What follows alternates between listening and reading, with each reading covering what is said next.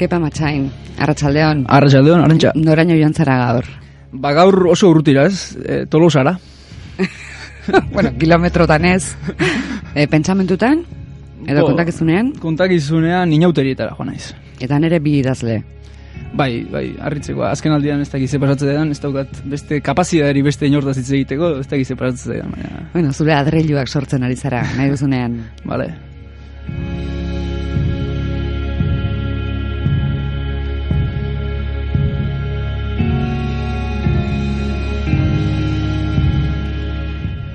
Idazle antagonikoak ziren. A eta Z. Literatur tradizio erabat desberdinetatik edaten zuten, beren obrek ez zuten ezertan bat egiten.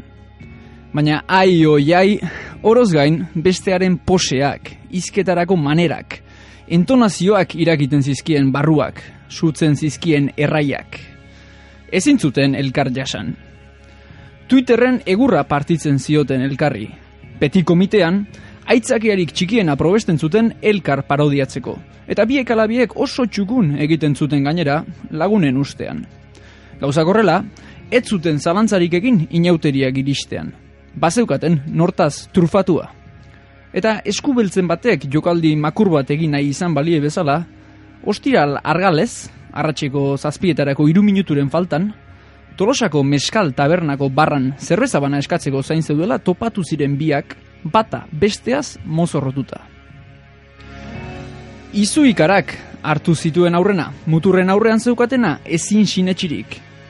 Gero, maskarak erantzi, luzaroan elkarri erreparatu eta egoeraren absurdoaz jabeturik, barre algaraka besarkada xamur batean bildu ziren. Ura ospatu beharra zegoen. Zerbezaren ordez, ginebra txupito bana eskatu zioten tabernariari.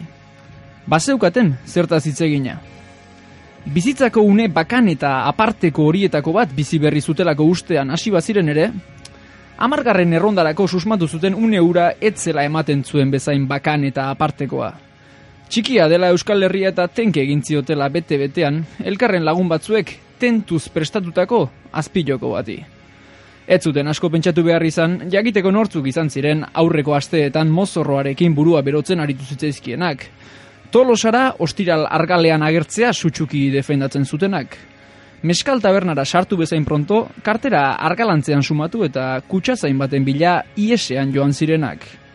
Garbi zegoen, haiek ziren, arerio orain eta haiekiko mendekuz, erabaki zuten, inauterietako mozorroari eutxiko ziotela urte osoan zehar maskara erantziagatik, bakoitza bere ohiko bizimodura itzuliagatik, eskutuan, ak zeta izaten jarraituko zuen, eta zetak a.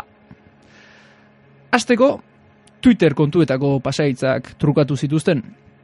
Bata bestearen izenean hasi ziren txioka. Lehenagoko jarduna zehatz aztertuta.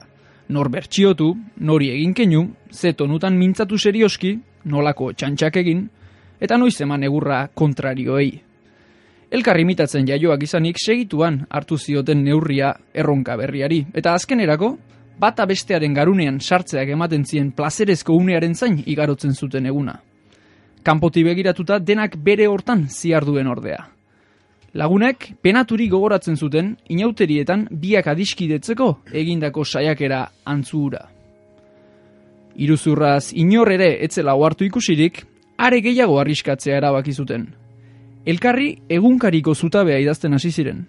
Eta bien harridurarako duin asko eutxi zioten aurrez irabazitako estatusari. Jendeak esaten zuen, beti bezain aparta, martxoaren sortziaz ak idatzi duen zutabea, edo zetak oiduen zorroztasunez heldu dio hizkuntz eskubideen gaiari. Irakurlek ez zuten fitxik antzeman. Eta hori gustatzen zitzaien, asko gustatu ere. Arrigarriki eroso sentitzen ziren bestearen izenean idazten, hitzak uolde betean etortzen zitzaizkien, ez zuten sekula eduki hainbeste kontu esateko beharrik.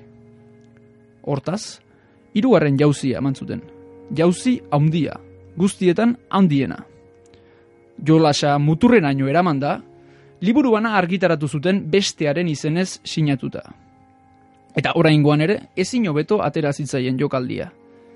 Kritikak azkenaldiko guztako bi obra gailentzat jo zituen – Euskadi sarirako hautagai nagusi bihurtu ziren. Eta hori gutxi ez eta Beren arteko liskar ezagunak kontuari morboa ematen ziolako edo, salmentak izugarri igozitzaizkien. Euskal literaturaren panorama berria boxeo estadio bat bezalakoa zen. Rinean, elkar ikusi ezin zuten bi idazle norgeiagoka bizian, eta gainontzekoak armailetatik begira. Denbora gutxian, bi korronte sortu zituzten, bitelsak edo rolinak, eskorbuto edo lapoia, laja edo landakanda. Mundua, haren eta zetaren jarraitzaileen artean banatu zen. Baina harrigarriena da bi idazleak, burbuila mediatiko basatia gora bera, inoiz baino emankorrago zebiltzala, ibilbidearen onenean. Hainbeste urteren ostean behingoz beren ahotsa topatu balute bezala. Iraganarekin errotik gausteko gogoa zeukaten, beren aurreko obrak literaturaren mapatik desagerraraziko zituzketen gustura.